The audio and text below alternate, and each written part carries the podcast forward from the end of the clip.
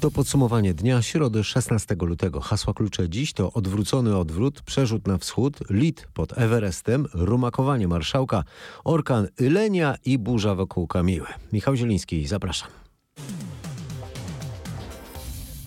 Termin znów przesunięty. Wojna miała wybuchnąć dziś. Według informacji pojawiających się na zachodzie Rosja miała zaatakować Ukrainę. Zamiast tego Moskwa ogłosiła wczoraj, że część oddziałów wojskowych zaczęła wracać do baz z rejonów bliskich Ukrainie. Według NATO i zachodnich polityków nie ma żadnych dowodów, że ten odwrót się rzeczywiście rozpoczął. Co więcej, pojawiły się głosy, że Rosja kieruje w stronę Ukrainy jeszcze więcej oddziałów. Trwają rozmowy, a jednocześnie powtarzane od tygodni te same oficjalne deklaracje. Dzisiejsza relacja naszego amerykańskiego korespondenta Pawła Żuchowskiego po niewielkich zmianach mogłaby się ukazać tydzień czy miesiąc temu. Tu w Waszyngtonie komentuje się, że to, co widzimy od dwóch dni, to wyraźne postawienie granicy, którą musi dostrzec Władimir Putin. Jeżeli jego działania w jakiś sposób dotkną członków NATO, to reakcja będzie natychmiastowa. Sekretarz obrony USA powiedział dziś, nasze zobowiązania w dziedzinie bezpieczeństwa zbiorowego pozostaną niewzruszone. Uznajemy artykuł 5 Traktatu Północnoatlantyckiego i zasady zbiorowego bezpieczeństwa. To w zasadzie powtórzenie tego, co wczoraj jasno podkreślił Joe Biden.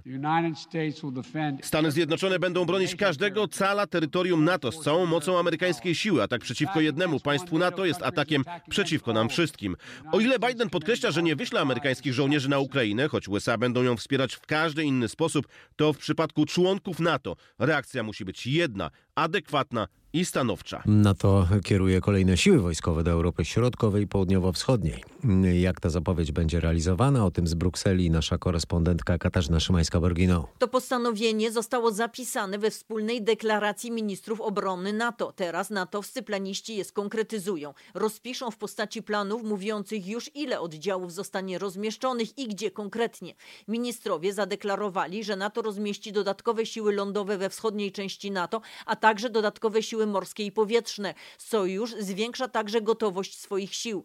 Jak mówił sekretarz generalny NATO, będą to siły międzynarodowe. Swój udział zgłosiła na przykład Francja, która przejmie dowodzenie siłami NATO w Rumunii. Zgłosiły się także kraje nordyckie. Jak wyjaśnił mi jeden z dyplomatów sojuszu, szef NATO kładł nacisk na zwiększenie obecności NATO w rejonie południowo-wschodnim Europy ze względu na to, że obecnie jest tam mniej wojsk amerykańskich. Flanka wschodnia została natomiast ostatnio wzmocniona przez Amerykanów. Katarzyna Szymańska-Borgino brała dziś udział wraz z innymi naszymi korespondentami w debacie o sytuacji wokół Rosji i Ukrainy. Debatowali też e, Paweł Żuchowski z Waszyngtonu, z Londynu Bogdan Frymorgan, a z Kijowa Mateusz Chłystu. Tutaj na Ukrainie cały czas ludzie też odwołują się do historii, przypominają pewne fakty, mówiąc, że okej, okay, nawet jeśli Putin się wycofa, jeśli wojska Federacji Rosyjskiej wrócą do baz, w co też nie do końca wierzą, to ten człowiek e, jest nieobliczalny. No na pewno to się nie zakończy. To będzie trwało przez długi czas i będzie w dużej mierze zależało właśnie od, od Zachodu, od Unii Europejskiej, na ile będzie pozwalała Putinowi. Nie ma konkretnych dowodów na to, że Rosjanie e,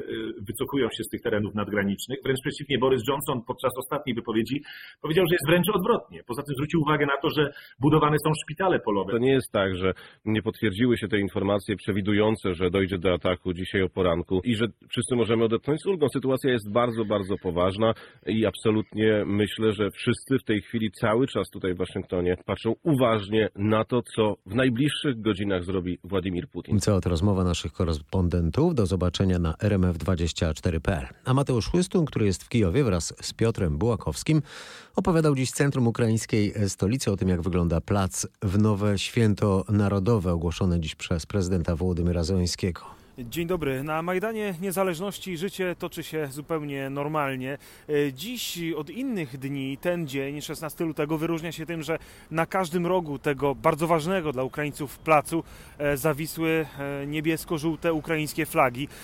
Dziś także w centralnym miejscu, tuż przy kolumnie na Majdanie Niezależności, zawisła ogromna niebiesko-żółta flaga. Sporo osób przychodziło tu właśnie z niebiesko-żółtymi flagami, by, jak sami mówili, pokazać pokazać, że są razem, by pokazać swoją jedność, a jak mówili, jedność to siła narodu i temu właśnie ma służyć ten dzień. Dzień, który przypomnę przez NATO, przez zachodnie służby, przez amerykańskie służby i, za, i amerykańskie media był okrzykiwany, albo mówiło się, że tego dnia właśnie nastąpi rosyjska inwazja na Ukrainę. Tak się na szczęście nie stało i mamy to szczęście, że możemy mówić o normalnym zupełnie dniu w ukraińskiej rzeczywistości. Mm, tak to w Kijowie w tej chwili wygląda, ale cały czas ten alarm, w cudzysłowie można powiedzieć, trwa. Czuć napięcie pośród części mieszkańców, którzy szykują się na najgorsze.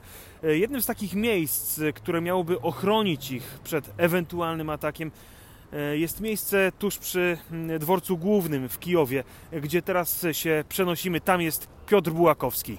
No zgadza się, ja dzisiaj miałem okazję zobaczyć na własne oczy schron, który znajduje się właśnie pod dworcem głównym. To jeden z największych takich mm, obiektów w mieście. On może pomieścić nawet 2,5 tysiąca osób w całym Kijowie.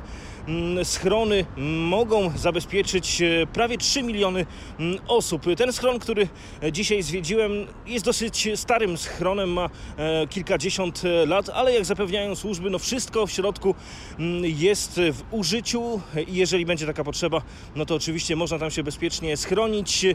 Pomieszczenia są niewielkie, wszędzie pancerne drzwi, są filtry powietrza, są zbiorniki na czystą wodę i oczywiście jest też komunikacja taka tradycyjna, kablowa, radiowa, e, żeby po prostu między schronami można było się e, komunikować. Sprzed dworca głównego w Kijowie Piotr Bułakowski. Tak relacjonowali dziś z Kijowa nasi specjalni wysłannicy. O zagrożeniu ze strony Rosji mówią też polscy politycy. Nie można uznawać, że kryzys się zakończył.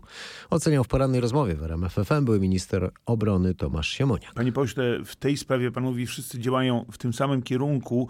E, pytanie do pana, jako do byłego ministra, ministra, jako do człowieka, który no, te sprawy zna, a i teraz je śledzi. Pana zdaniem e, Putin odważy się, mimo deklarowanej przez wszystkich jedności Zachodu, zaatakować Ukrainę? Tego e, nikt nie wie. Ja nie wiem, czy sam Władimir Putin taką decyzję podjął. E, waży korzyści i straty dla siebie i dla Rosji, może z przewagą nawet siebie, bo jest niepodzielnym dyktatorem, który od dwudziestu kilku lat rządzi e, Rosją. Ja uważam, że absolutnie nie można uznawać, że kryzys się jakoś zakończył, że skoro wojna nie wybuchła tej nocy, jak agencje wywiadowcze Zachodu obawiały się czy przewidywały, to znaczy, że się e, już nic nie zdarzy, nie można się rozluźniać, nie można uważać, że teraz się zajmiemy już czymś innym. Jakie Ukraina miałaby szansę w wojnie z Rosją, oczywiście konwencjonalnej? O tym Paweł Jawor rozmawiał w Radiu RMF24 ze specjalistą w zakresie bezpieczeństwa i obronności z portalu Defense24 doktorem Jackiem Raubo takie zestawienie excelowskie wręcz e, potencjałów militarnych, ono nie ma jakiegoś większego znaczenia, dlatego że to w zależności od scenariusza możemy mówić o postawie obrońców i postawie tych, którzy atakują. Obrońcy no, mają moim zdaniem dzisiaj możliwość no, zanegowania przede wszystkim efektu końcowego Rosji, jeśli, chodzi by, jeśli chodziłoby o użycie siły. E, dlaczego? Dlatego, że są w stanie na przykład dać takie straty stronie rosyjskiej, które byłyby nieakceptowalne. No, nawet Związek Sowiecki miał poziom strat, który nie był akceptowany przez społeczeństwo. Przypomnijmy kazus Afganistanu i właśnie tej interwencji sowieckiej w Afganistanie. Zauważmy też, że obrońcy, nawet gorzej wyposażeni, ale z większą determinacją, no, tutaj Rosjanie pamiętają pewnie bardzo dobrze naukę wojny zimowej z Finlandią, e, są w stanie w XX wieku, są w stanie zadać takie straty, które no, nie są do oszacowania. Zestawienie oczywiście czołgów, e, liczby samolotów, e, liczby liczby żołnierzy, czy nawet kwestie ludnościowe, tak?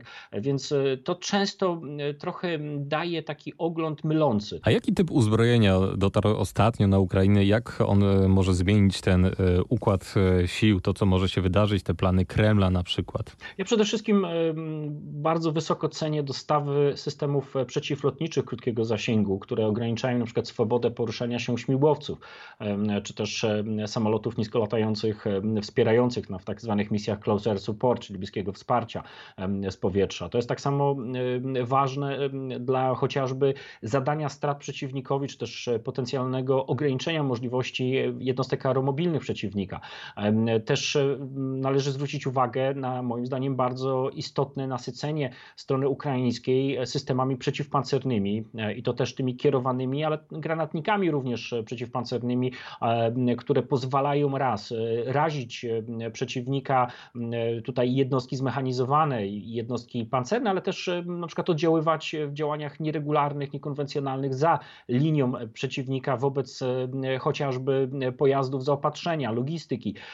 Więc to jest w moim odczuciu istotne wzmocnienie, jeśli patrzymy na pomoc brytyjską, pomoc państw nadbałtyckich, pomoc Polski, pomoc Stanów Zjednoczonych. Chociaż z drugiej strony też jestem daleki od niedoceniania tego, że państwa takie jak chociażby Kanada zadeklarowały swego czasu, czy nawet Niemcy, pewną pomoc w zakresie wyposażenia i tego niekinetycznego wyposażenia, bo to też jest istotne dla żołnierzy, dla nawet morale, że mamy wyposażenie, które pozwala nam na przykład na zwiększoną zdolność przeżywania na, na polu walki współczesnym, nawet przy ostrzale z takiej podstawowej broni aczkolwiek nadal ciężar spoczywa jednak na stronie samej ukraińskiej i na tym procesie modernizacyjnym, który trwał e, bez przerwy od 2014 roku. I zauważmy, że e, Ukraina buduje, odbudowuje swoje siły zbrojne i cały ten aparat bezpieczeństwa, mając cały czas e, no, tą presję rosyjską. Zauważał specjalista w zakresie bezpieczeństwa i obronności dr Jacek Raubo. To podsumowanie dnia w RMF Wczorajsze mocne spadki cen ropy po informacji o wycofywaniu rosyjskich wojsk z nadgranicy z Ukrainą to już wspomnienie. Baryłka w Londynie dziś mocno drożała e, i kosztuje już prawie 96 dolarów. Bariera 100 dolarów za baryłkę to być może kwestia dni. E, taki poziom notowano w historii tylko przez pewien okres e, w XXI wieku i tylko raz na krótko ceny sięgały 150 dolarów, a teraz pojawiają się prognozy mówiące o nawet 200 dolarów. E, ceny paliw w Polsce znów ruszyły w górę. Od zeszłego tygodnia przeciętna cena znów jest wyższa o 5 groszy na litrze. Według portalu e-Petrol 95 kosztuje przeciętnie 5 zł i 31 groszy, a olej napędowy 5,36. Oznacza to, że bez obniżki VAT-u nie znaleźlibyśmy już dziś stacji z ceną litra paliwa poniżej 6 zł. Tyle Europie, a teraz inny ważny skarb z podziemi. Gorączka litu dosięga Mount Everestu. Chińscy naukowcy ujawniają, że pod jednym ze szczytów w pobliżu najwyższej góry świata odkryli ogromne złoża litu. Pierwiastka, który nazywany jest nową ropą albo białą ropą, bo jest kluczowy w produkcji baterii dla samochodów elektrycznych, ale też dla telefonów e, i laptopów, jak również do wytwarzania paneli słonecznych. Z informacji w chińskiej prasie wynika, że jeśli wszystko pójdzie dobrze, to eksploatacja jest przesądzona i że powstać ma tam jedna z największych kopalni litu na świecie. Te kopalnie są wyjątkowo szkodliwe dla środowiska, a produkty uboczne powodują u ludzi choroby płuc i skóry. Jednocześnie ceny litu w zeszłym roku rosły kilka razy i będzie go potrzeba coraz więcej. To podsumowanie dnia środy 16 lutego. CUE oddalił polską i węgierską skargę w sprawie mechanizmu pieniądze za praworządność. To mechanizm, który umożliwił Komisji Europejskiej wstrzymanie unijnych funduszy w razie łamania zasad państwa prawa. Odrzucenie przez Unijny Trybunał Sprawiedliwości skargi Warszawy i Budapesztu na ten tak zwany mechanizm warunkowości kończy dyskusję na poziomie europejskim o tym, że takie rozwiązanie jest zgodne z prawem. Mówi konstytucjonalista profesor Mariusz Bidziński ze Stołecznego Uniwersytetu SWPS. Skoro mamy takie rozstrzygnięcie, no to w przyszłości w zasadzie będziemy już mieli e, drogę zamkniętą do skarżenia tego rozporządzenia, no bo e, no, Trybunał Konstytucyjny nie jest do rozstrzygania tego, czy mechanizm warunkowości w prawie unijnym, w rozporządzeniu e, jest dopuszczalny, czy też nie jest dopuszczalny. Mamy konstytucję, która mówi o poszanowaniu prawa międzynarodowego. Wiemy w jaki sposób, jaki prymat ma prawo Unii Europejskiej nad prawem polskim, zasada pierwszeństwa, zasada subsydiarności. Są to pewne zasady, e, o których uczymy się na pierwszych latach studiów prawniczych, w zasadzie na pierwszym roku, więc rozumiem, że Trybunał Konstytucyjny już te zasady pojął. E, natomiast jeśli nie, no to tak naprawdę będzie to blamaż dla Trybunału Konstytucyjnego, że rozstrzyga w sprawach, które zupełnie, którymi zupełnie nie powinien się zajmować. To opinia prawnika o znaczeniu wyroku TSUE, a co na to politycy? To historyczny błąd premiera Morawieckiego, który wyraził akceptację dla wprowadzenia tego rodzaju rozporządzenia.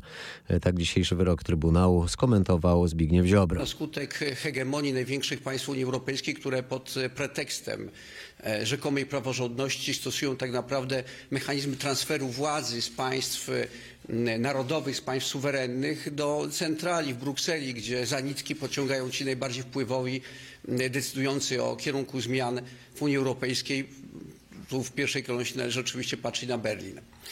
I ta transformacja, to przepoczwarzanie się Unii Europejskiej z tego obszaru wolności w twór, który tą wol, tej wolności może zagrażać, może ograniczać, może zagrażać też suwerenności, jest procesem historycznie bardzo niebezpiecznym. I to orzeczenie w tym sensie jest niebezpieczne.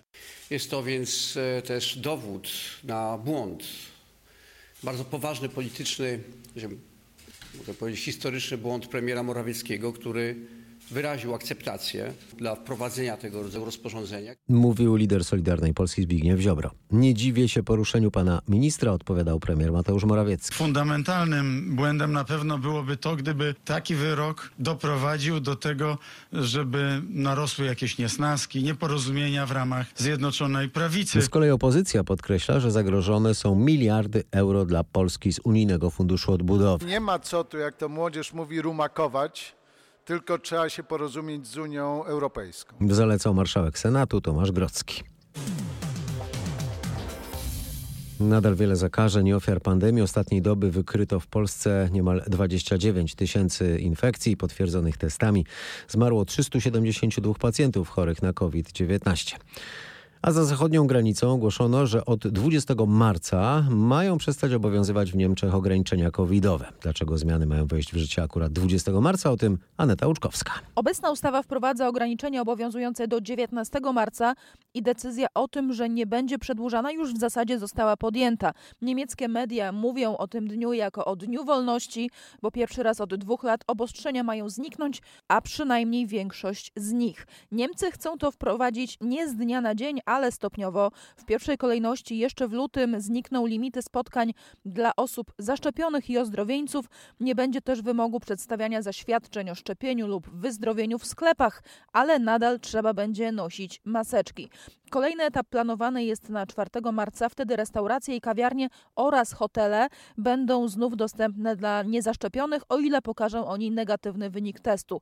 Obecnie podstawą jest paszport covidowy skanowany w każdej restauracji czy pubie. Klient zostanie obsłużony dopiero wtedy, gdy ekran sprawdzającego zaświeci się na zielono. W tym drugim etapie znów mają być otwarte dyskoteki i kluby, ale na początek tylko dla zaszczepionych i ozdrowieńców. Zwiększyć mają się też limity na przykład widzów imprez sportowych. Po 20 marca zasady 2G i 3G przestaną obowiązywać.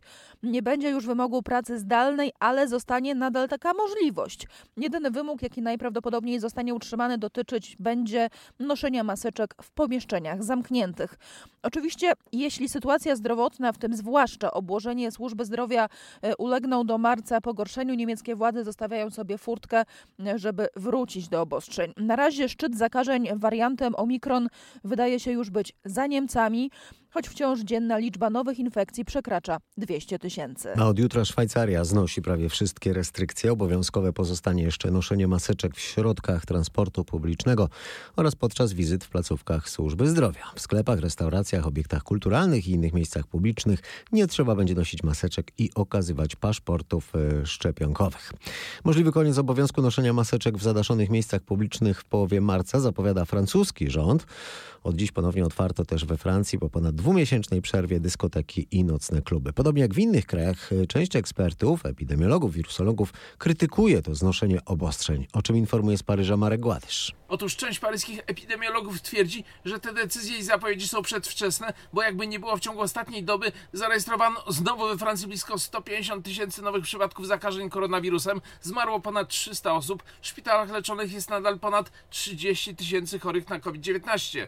Wiele specjalistów sugeruje więc, że Emmanuel Macron pogania rząd, żeby jak najszybciej znosić obostrzenia tylko po to, by zwiększyć swoją popularność w sondażach przed kwietniowymi wyborami prezydenckimi. Tym bardziej, że ostatnie działania francuskich władz w sferze walki z piątą falą epidemii sprawiają wrażenie nieco chaotycznych. Wczoraj na przykład zaostrzono ograniczenia, utrudniając Francuzom uzyskiwanie tzw. przepustek szczepionkowych. Dzisiaj ogłaszane jest luzowanie, a więc wiele obserwatorów ma wrażenie, że codziennie rządowa polityka się zmienia. Relacjonował z Paryża Marek Gładysz.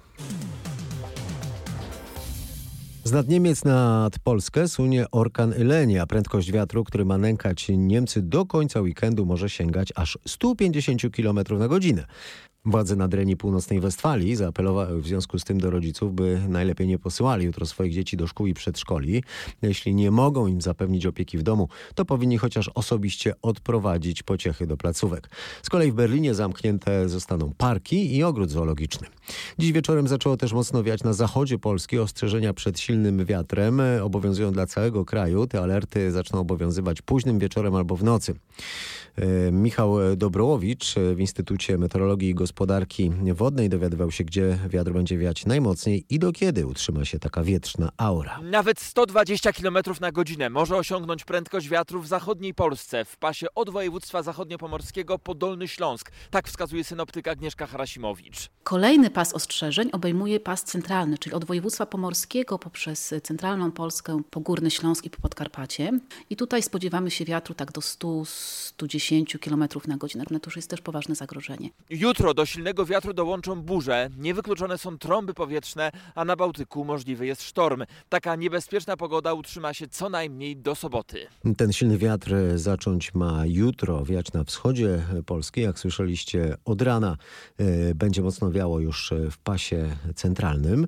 Mm, Taka pogoda jest skrajnie niebezpieczna w górach i dlatego toprowcy apelują do turystów, by jutro nie wychodzili na szlaki. Zbliża się do nas znowu znaczne pogorszenie pogody, czyli ten świeży opad śniegu połączony z bardzo silnym wiatrem, bo nawet prognozy wskazują na 140 km na godzinę. No, utworzą naprawdę bardzo duże depozyty świeżego śniegu, który nie będzie związany z tą pokrywą twardą z poprzednich dni.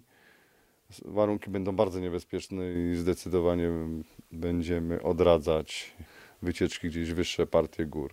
Prognozy mówią, że dzisiaj w nocy będzie, będzie taki silny wiatr z kierunków południowo-zachodnich. Zbliża się prawdopodobnie do nas halny, bo już jakieś prognozy nawet wskazują na 7 stopni powyżej zera w Zakopanym. Halny na dole ciepło, a u góry będzie po prostu bardzo groźnie.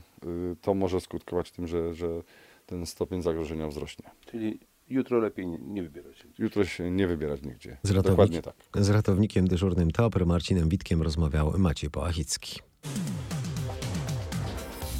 Na koniec jeszcze o burzy w świecie sportu wokół kręcącej się po lodzie jak trąba powietrzna rosyjskiej łyżwiarki figurowej Kamiły Walijewej.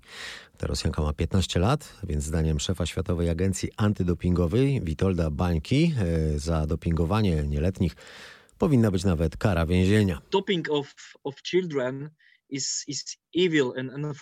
Podawanie środków dopingujących dzieciom jest e, niewybaczalnym złem, dlatego lekarze, trenerzy i członkowie ekipy wspomagającej, którym udowodni się, że podawali nieletnim środki zwiększające wydolność, powinni być karani dożywotnim zakazem wykonywania pracy. Osobiście uważam też, że ich miejsce jest w więzieniu. And, uh, and personally, I also think that, that they should be in prison. So Mówił Witold Bańka. Pierwszą próbkę do badań pobrano od Walijewej pod koniec grudnia, ale informacje o wykryciu y, trimetazydyny podano jednak dopiero w miniony wtorek, dzień po tym, gdy razem z kolegami z reprezentacji Rosjanka zdobyła olimpijskie złoto w drużynie. Rosjanie tłumaczyli, że nastolatka omyłkowo zażła leki na serce stosowane przez jej chorego dziadka. Międzynarodowy Trybunał Arbitrażowy do Spraw Sportu zezwolił Walijewej na kontynuowanie występów na Igrzyskach w Pekinie. Wczoraj 15-latka zaczęła walkę o kolejne złoto. Mm, Prowadzi po wczorajszym programie skróconym solistek, a jutro kolejny występ. Jutro również kolejne podsumowanie dnia. Dziś minęły już 24 minuty, w których zmieściliśmy 24 godziny. Michał Zieliński, dziękuję za uwagę.